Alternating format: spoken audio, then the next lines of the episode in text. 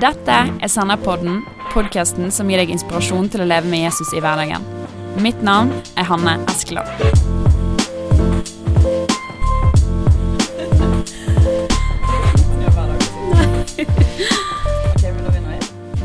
I Senderpodden i dag så skal vi prate om um, hva Jesus kan gjøre i livene våre når vi får møte han skikkelig.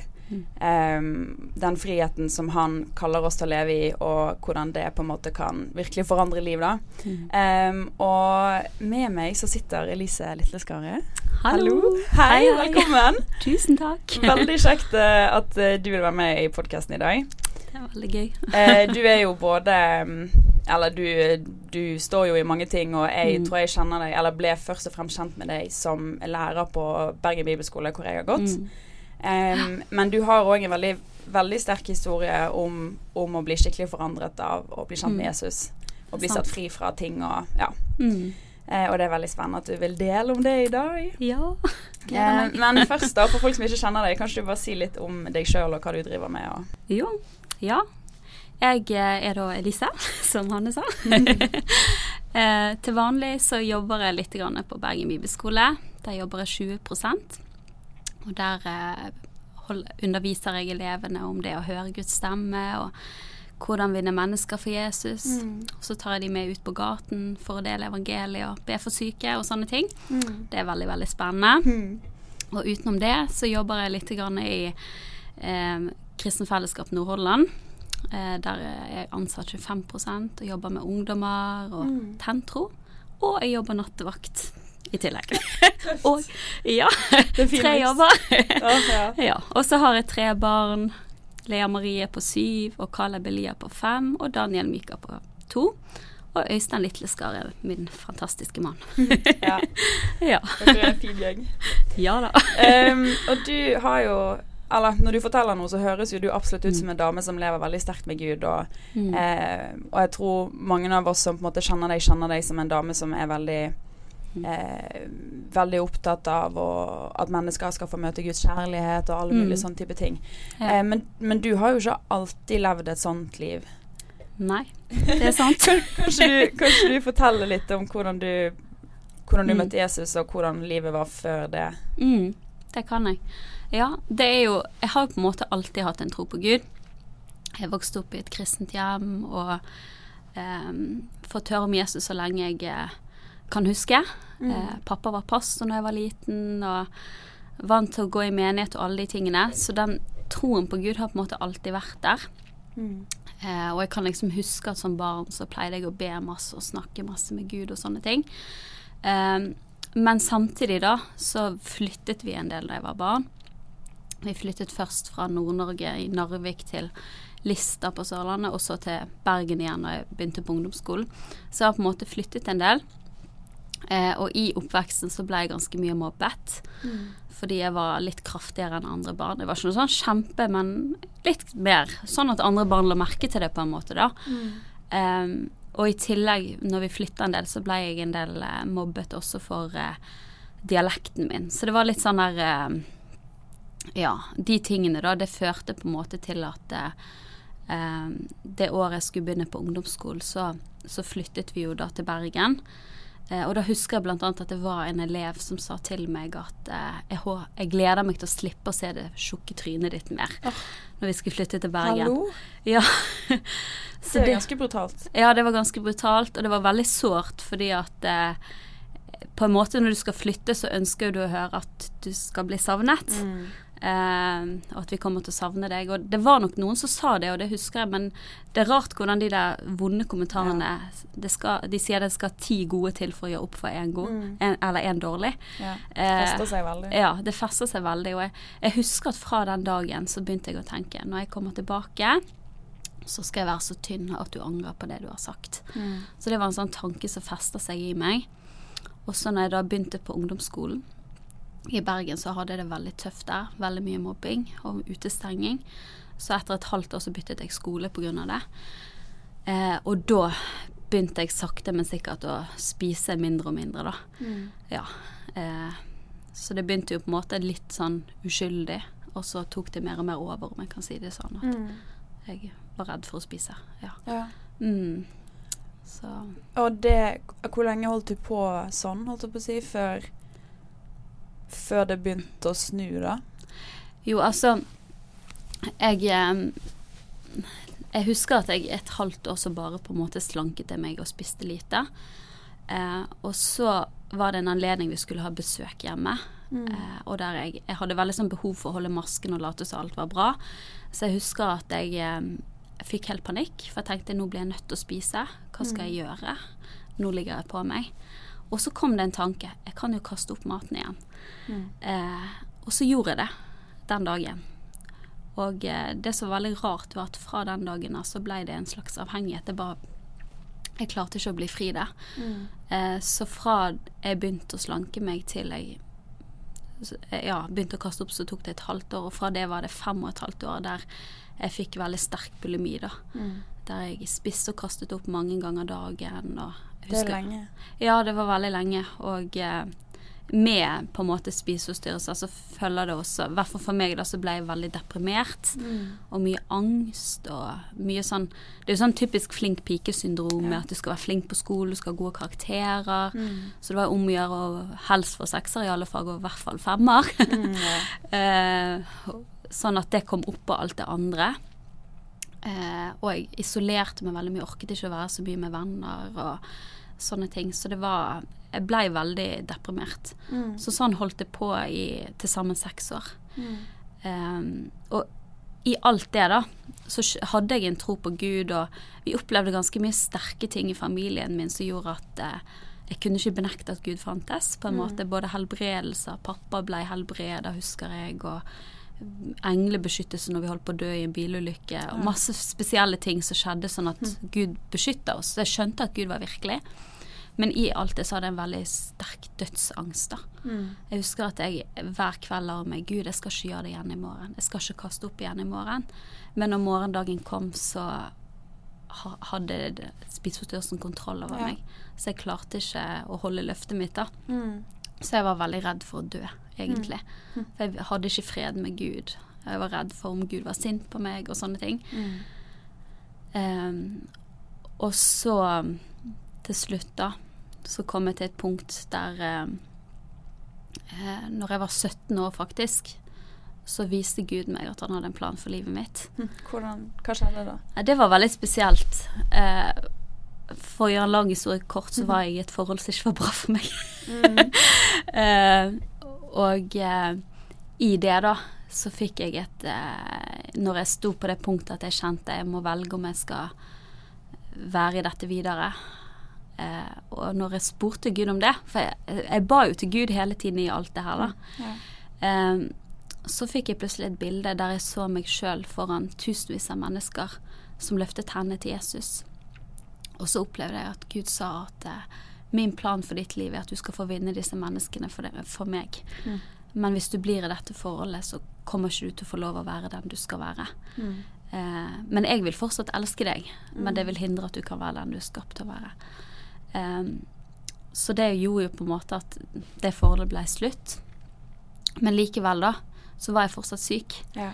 Eh, og så ett år seinere så var jeg på en konferanse. Og da var, jeg begynt, da var jeg begynt å få en veldig lengsel etter å bli fri fra spiseforstyrrelsene. Mm. Um, og jeg hadde hørt andre kristne snakke om åndelige muskler. jeg, jeg visste ikke helt hva det betydde, men jeg skjønte at det var en bra ting. Mm, ja. Så jeg husker at jeg, jeg ba til Gud Gud, du må gi meg åndelige muskler. Og jeg, jeg var liksom begynt å komme til det punktet at det, livet sånn som det er nå, jeg vil ikke at det skal være sånn lenger. Men jeg var fortsatt ikke kommet så langt at jeg var helt klar. Mm. Men eh, Så jeg ba til Gud. Gud, gi meg åndelige muskler. Mm. Og så var jeg på et møte i Kristkirken i Bergen. Eh, og der var det en mann fra Canada som var litt sånn profetisk. Og så ba han alle ungdommene å komme frem.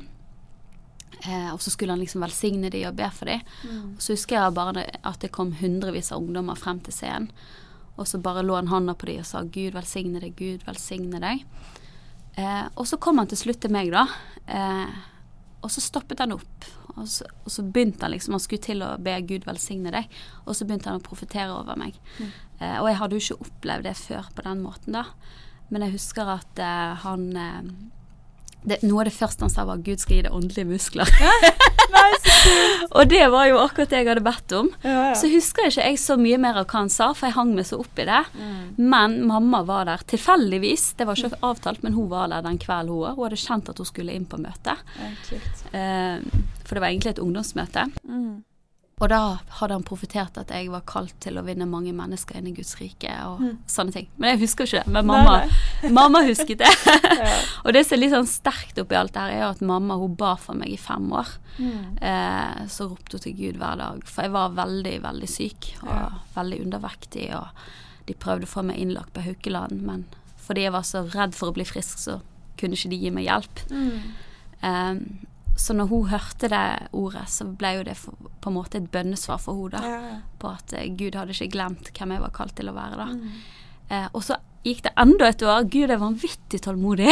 ja det, Guds timing er ja, noe for seg sjøl, holdt jeg på ja, å si. det er helt sant. og jeg er så glad for at han ikke ga meg opp. Heldigvis, da.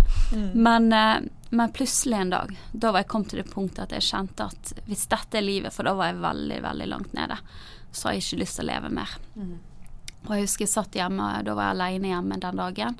Så satte jeg meg inn på sofaen, så strakk jeg ut hendene. Og igjen, jeg, jeg gikk ikke i en menighet der jeg var veldig vant til at vi løftet opp hendene. Ja, ja. Men jeg hadde jo sett at mange kristne gjorde det. så jeg strakk ut hendene, og så sa jeg, og det var på en måte kanskje første gang jeg virkelig mente det av hele hjertet, så sa jeg Jesus, jeg gir deg livet mitt i kveld. Mm. Og det er litt gøy, for jeg visste heller ikke at det var en bønn man skal be. Nei. Men jeg bare kjente at jeg må gi alt til Jesus. Jeg hadde vært så redd for det, for jeg visste ikke hva som ville skje hvis jeg gjorde det. Mm.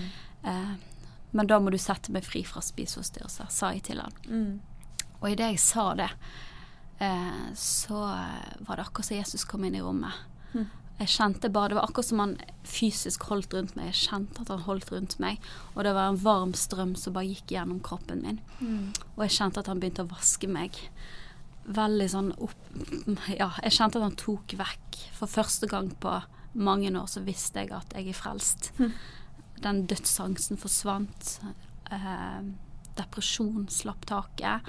Mm. Eh, jeg ble fylt med glede. Tro på meg sjøl. For jeg hadde veldig liten tro på meg sjøl før det. Mhm. Jeg tenkte på en måte at det eneste jeg kan, er å slanke meg og få gode karakterer. Ja. Det er det jeg kan i livet, på en måte. Uh, ja, jeg ble fylt av Guds kjærlighet, da. Og jeg visste på det punktet at nå er jeg fri. Mm. Det var veldig rart, men jeg bare visste det. Ja. Uh, og så husker jeg at i uken som kom, så tror jeg jeg kastet opp en eller to ganger til. Av gammel vane. Mm. Og hver gang jeg gjorde det, så kjente jeg bare dette er ikke meg lenger. Det har ikke noe makt over meg. Jeg har ikke lyst. Det frister ikke. Mm. Og så bare stoppet det, og trangen var vekke, da. Det var jo fantastisk. Ja, det var veldig sterkt. Ja, det er jo det. ja. Så ja. Det var på en måte sånn det begynte. Det var sånn jeg virkelig fikk erfare Guds kjærlighet for meg, da. Mm. Eh, og så husker jeg at vennene mine som hadde kjent meg i mange år, de sa til meg etterpå "Hva- Du er helt forandret, Elise. Hva er det som har skjedd med deg? Så de å kunne merke at noe var annerledes. Mamma og pappa merket det, og folk som kjente meg. Mm. Ja. Men hvorfor um, det er jo en helt fantastisk historie. Um, og så eh, så tror jeg at vi kan oppleve ting forskjellig Mm. i vår relasjon til Gud. Og jeg tror Ja. Gud, Gud jobber med oss på forskjellige måter fordi vi, altså vi trenger Mm. forskjellige ting. Vi er forskjellige. er. Ehm, og så tenker jeg at um, eh, for eksempel for din del, da. dette her var jo Mm. på en måte en opplevelse av eh, relativt sånn momentan frihet. Mm. At du på en måte Det var et sånn skille sånn før og Ja. etter, sånn veldig tydelig. Mm. Men hvordan var, var det da bare helt Var du helt fri da, på en måte? Eller var det Altså, hvordan jobbet Gud med deg videre, hvis du skjønner? Veldig godt spørsmål. eh, jeg tenkte der og da at jeg var helt fri, Mm. fordi at jeg hadde vært så langt nede at det opplevdes veldig fritt, om jeg kan si det på den måten. Ja. Og eh, i to og et halvt år så tenkte jeg egentlig at jeg var helt fri. Eh, men så husker jeg jeg gikk på bibelskole året etter. Og da husker jeg en av lærerne sa til meg at eh, jeg tror at du har et stykke igjen med frihet å gjøre å gå, Elise. Jeg, jeg ser at Gud har gjort noe, men eh, jeg tror ikke du er helt fri ennå. Og jeg husker at når, når, når han læreren sa det til meg, så ble jeg veldig sint og provosert. Fordi at den friheten jeg opplevde, var så mye større i forhold til hva jeg hadde vært i før. Ja, ja. Eh, men så to år etter det, altså da tre år etter spiseforstyrrelsen, når jeg tenker meg om, da hadde jeg gifta meg. Eh, og eh, jeg husker når, når meg og Øystein ble sammen, så var det litt sånn at eh, jeg spiste sånn noenlunde normalt, tenkte jeg, da. Ja.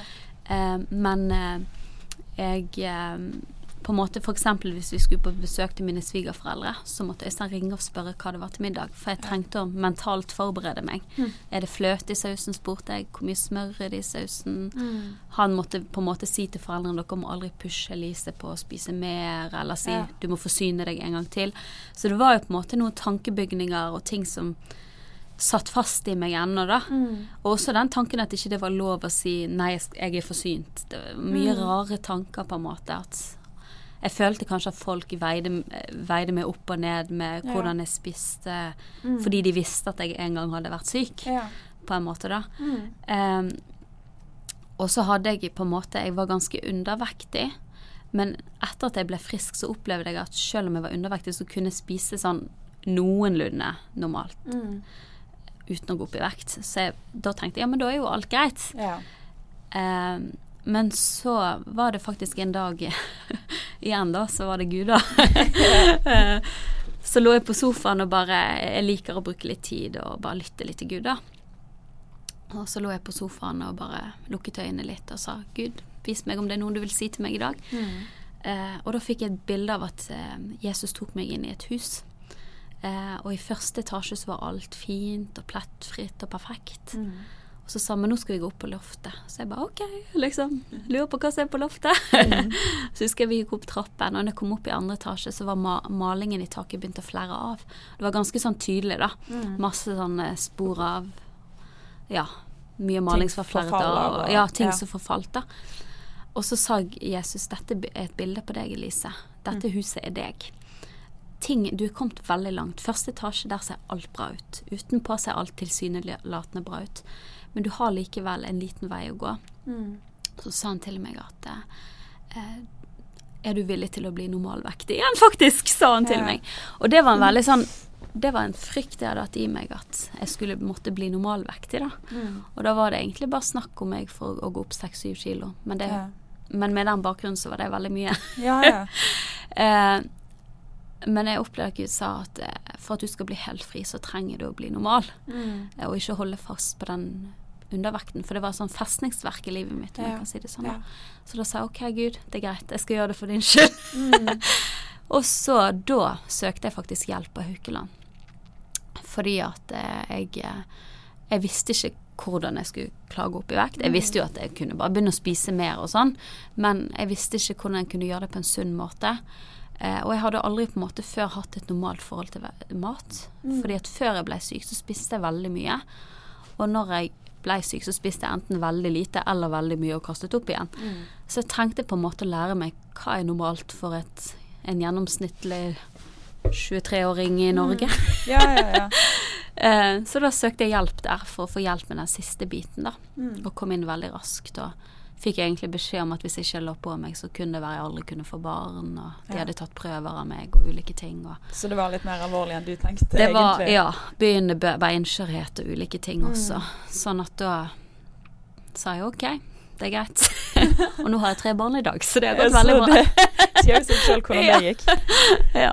Men hvordan Eller, eller ja, en ting er jo Det er bra du Mm. nevner Haukeland, for det er jo viktig å si, tenker jeg, når vi snakker Mm. om på en måte psykisk helse og sånne type Ja. ting, at, at det å oppsøke profesjonell hjelp Ja. at Nå snakker vi om på en måte at å, Jesus forandrer livet Mm. vårt, vi blir satt i frihet, men profesjonell hjelp trenger ikke være en motsetning til det. Absolutt ikke. Det er fint å si. Ja, Eh, men, så, men så tenker jeg For jeg i mitt liv i hvert fall Jeg har aldri egentlig opplevd at Gud på en måte har satt meg fri fra ting sånn i et øyeblikk. Jeg har Mm. alltid opplevd at, at, eh, at Gud på en måte jobber med meg, og at jeg må gå prosesser, og jeg må eh, Han gir nåde, og han gir styrke, og han Ja. leder veien, men jeg må gjøre noen ting sjøl. Mm. Hvorfor tenker du at han jobber sånn med oss? på en måte? Hvorfor tenker I du at i ditt eget liv at Jo, men hvis, ja, i prosess. Hvis Gud først Ja. skulle sette deg fri fra så mange ting momentant, hvorfor tok han ikke bare alt? Ja. Hvis du skjønner? Ja. Veldig godt spørsmål. Får vi kanskje aldri vite skikkelig svaret på, men hva tenker du Ja. eh, Hva har du tenkt i ettertid for din egen del? Jeg tror jo at eh, Gud former oss i den prosessen, da. Og at vi på en måte blir mer avhengig av Han. På en måte at eh, Altså, jeg, jeg føler jeg på en måte lærte å kjenne Gud på en ny måte, og måtte lære å stole mer på Han. Mm. Enn hvis Jeg er veldig glad for at Gud satte meg fri på den måten i det første møtet. Ja. For jeg tror jeg trengte det, for jeg var så langt nede. Og Ja. jeg tenkte jo rett og slett på å ta livet mitt. Så jeg, Ja, jeg tror aldri Gud Gud er en god pappa. Han vil aldri Ja. Jeg tror aldri, Han vil aldri latt noen bli det uansett, på en måte. Nei, sant. Det er akkurat det. Så jeg tror, jeg tror jeg trengte det møtet. Men så tror jeg eh, Ja. Jeg, jeg tror at han ventet med resten, om jeg kan si det sånn, da.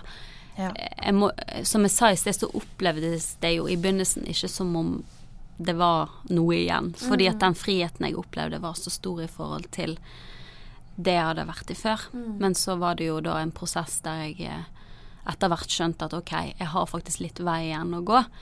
Eh, og jeg, det var ulike situasjoner der jeg fikk litt panikk, som hvis vi skulle i bryllup og sånne ting. Og Ja. forberede meg på den psykiske siden av å skulle ete all den maten som ble servert. Så da skjønte jeg jo ok, jeg tror ikke de fleste folk har det sånn. Ja. Så jeg skjønte at ok, det er Helt vanlig, kanskje. Ja, sant. Det, jeg har et stykke igjen å gå. Eh, men jeg tror jeg, jeg opplever virkelig at eh, både for eh, min egen relasjon med Jesus og, og på en måte å vokse med han og, og bli trygg i han og, og oppleve Ikke minst det Jeg husker den tiden at jeg hørte veldig mye på Joyce Mayer. Sant? Og hørte på det her med å liksom eh, bli satt i frihet og ta tankene til fange, og det her med at sannheten skal sette det fri. Og det å gå den veien både i Guds ord og sammen med Gud har vært veldig spennende. Og så tror jeg Jeg tror også at Gud bruker vår vandring til å kunne hjelpe andre i frihet òg. Ja. Og jeg opplever det at mange som har hatt lignende problemer, eller kanskje andre ting, men likevel så kan det litt sammenlignes. Om ikke det er akkurat det samme, så kan jeg Tenker gå en vei med bli dem. skikk, være skikkelig bundet av noe Ja. som ikke er bra for deg, det kan jo mange relatere seg til. Absolutt. Uansett hva det er. Det er akkurat det. Ja. Så jeg er egentlig litt glad for at jeg måtte gå den siste veien Ja. sjøl. Ja. Og så faktisk det å Det var jo et offer for meg å si Gud, jeg gir slipp på, på den undervekten. Det var et offer å være villig til å si OK, det er greit, jeg skal gjøre det for din skyld. Men, men også oppleve at på en måte Gud er Gud er så trofast i det, også til stede, og Ja, sant. Ja, jeg, Ja, det er sant. Det er fint. Men, men det er mitt neste spørsmål. Da. Hvordan Mm. tenker du at vi eh, som er på en måte kristne og som tror Mm. på disse tingene, hvordan tenker du at vi kan være med å formidle eh, frihet og helbredelse til andre vi møter, da? ja. Stort spørsmål, det bør være en egen podkast, kanskje. ja. Men, men hvordan tenker du at vi kan være med og, og gi- ja, sånn som du sier, gi det Mm. videre, på en måte? Ja. Nei, altså For det første så tenker jo jeg em, at uh, vitnesbyrdet ditt, det å dele hva Jesus har gjort i, andre, i ditt eget liv, og også andre du kjenner sitt liv, for det at eh, det vil ikke være Du kan møte en som har spiseforstyrrelser, og du kan ikke fortelle om at du sjøl er blitt satt fri fra det, for det har du aldri hatt, men du kan si 'jeg har en venn som har blitt satt fri fra det', sant? Eller jeg hørte en podkast om Ja. en som har blitt satt fri. Ja, sant. Ja, ja. Hør på den, liksom. Ja, ja. Eh, men eh, men jeg tror det både det å være frimodig med å dele det vitnesbyrdet vi sjøl har med Jesus, det tror jeg kan bringe enormt mye håp. Um, og så er det jo kraft i evangeliet i seg sjøl. Det er jo noe med at Jesus kom for å sette fanger fri, Ja. og kunne formidle det håpet som er i det. Um, og så har jo jeg noe som jeg brenner veldig for, er jo på en måte det her med at vi som kristne skal på en måte kunne høre fra Gud friskt inn i mennesker sine liv. Og jeg har fått sett så mange ganger hvordan det å ha Det trenger ikke være komplisert, men å ha et ord fra Gud til folk i rette tid, hvordan det kan være med å sette de fri. Ja. Sant? Enten det er en sånn momentant opplevelse av å bli satt fri, eller det er en Holdt på å si bare et håp, da. Ja, ja, ja. sånn at å kunne formidle håp. Som gjør at de ikke gir seg, på en måte. Ja, sant. Å gi dem en sånn Vet du hva, Gud ser deg og din situasjon, og han har en plan for fremtiden din, og ja. Jeg brenner jo veldig for det her med å dele evangeliet, da. Så. Ja, ja da. Det jeg tenker, Ja. Men det er jo noe av det som jeg syns er, Mm. er på en måte inspirerende med deg òg. Det er ikke sånn at du på en måte du opplevde alle disse tingene. OK, fint og flott, da, da kan Mm. jeg leve et normalt og friskt liv. Og, Mm. og det i seg sjøl er jo fantastisk, Mm. men, men, men at, at Gud har lagt ned en sånn lengsel i Mm. deg til å se andre folk. At, at det, det stopper ikke med deg, men Ja. at du formidler det videre. Jeg tenker vi all, Det er vi alle kalt til å gjøre, Absolutt. uansett hva det er vi bærer på. Det er helt sant. Ja, og det var kanskje Altså, det fikk jeg jo ikke sagt i sted, men eh, noe av det første som skjedde, som jeg ikke var forberedt på når jeg ga livet til Jesus og sa sette meg fri, det var jo at jeg ble så fylt av kjærlighet for mennesker. Og det var også kanskje noe av det største skiftet, fordi at når du er syk med spiseforstyrrelser, så handler alt om deg sjøl. Ikke fordi du ønsker at det skal være sånn, men fordi det tar så mye tankevirksomhet, på en måte. Eh, og jeg husker bare allerede fra første dag ute etter det. Ja. første dag jeg så folk, så bare begynte jeg å kjenne Guds kjærlighet for dem. sant? Mm. Og, så det er jo noe med når du blir satt i frihet og du får oppleve Guds kjærlighet, så kommer automatisk den trangen til at andre skal få lov å oppleve det samme som du sjøl har opplevd. da.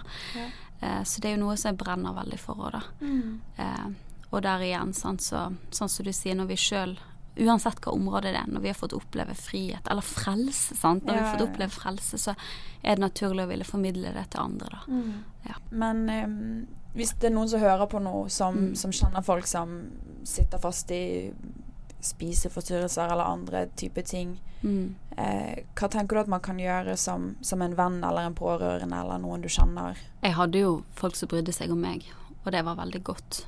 Eh, samtidig var jeg ofte litt sint på dem, Ja, fordi de konfronterte meg. ja det var ikke det du ville? Nei, jeg ville ikke det. Men jeg, i ettertid har jeg jo gått tilbake og takket de samme for at de var villige til å spørre meg hvordan det gikk, og hvis de hørte meg kaste opp, så ga de beskjed til mamma og pappa.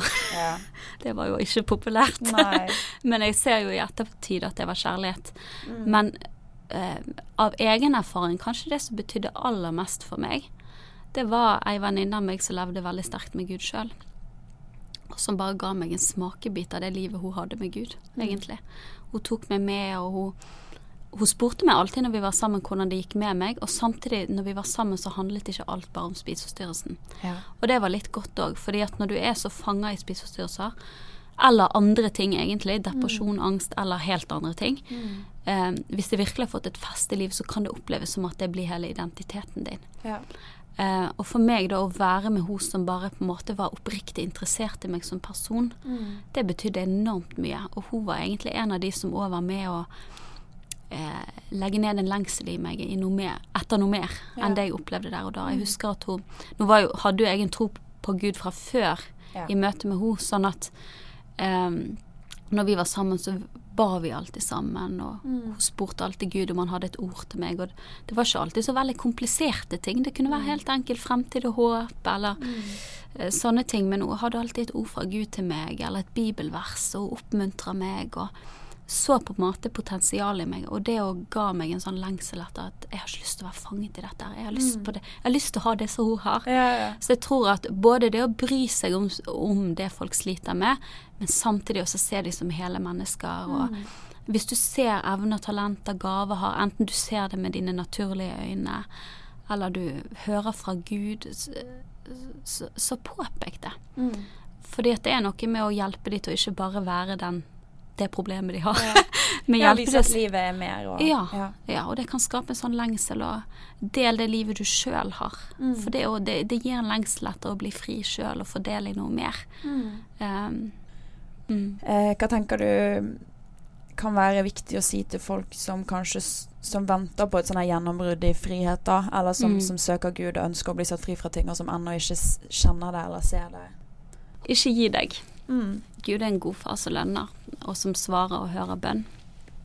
Og så tenker jeg at noen ganger så er det jo sånn at folk opplever automatisk frihet, mens andre ganger så er det en prosess å gå. Men, men eh, jeg tenker for andre ting i livet som, som jeg opplever utfordringer For det er jo ikke sånn at vi opplever jo alltid utfordringer vi må Ja. igjennom og Ja, ja, komme oss ut av. Men så er det jeg, tenker det, det å ha søsken som du står tett med, ha disippelfellesskap, det betydde enormt mye for meg. Mm. Eh, og jeg husker også til og med når jeg var syk, så husker jeg alltid mamma sa til meg at sannheten skal sette deg fri.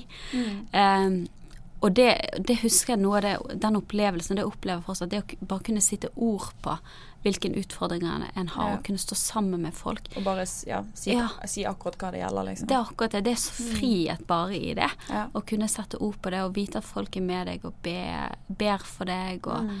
kjenner til utfordringene. Det har så utrolig mye å si. Og så opplever jeg det å på en måte I den prosessen, da. Mm. Eh, det å ta seg tid å lytte til Gud og være i Guds ord. Fylle seg med Guds ord, for Guds ord renser jo. sant? Mm. Det er rensende å lese det, og det, det setter deg i frihet, på en måte. Ja. Eh, og samtidig lytte til Gud og spørre Gud Gud, hva er neste steg? Mm. Hva kan jeg gjøre nå for å bli fri? Så tror jeg at Gud vil vise oss litt etter litt hva vi kan gjøre for å bli fri. Ja. Takk for at du hører på Sennepodden. Hvis du vil ha mer stoff som dette her, så kan du sjekke ut sennep.nett.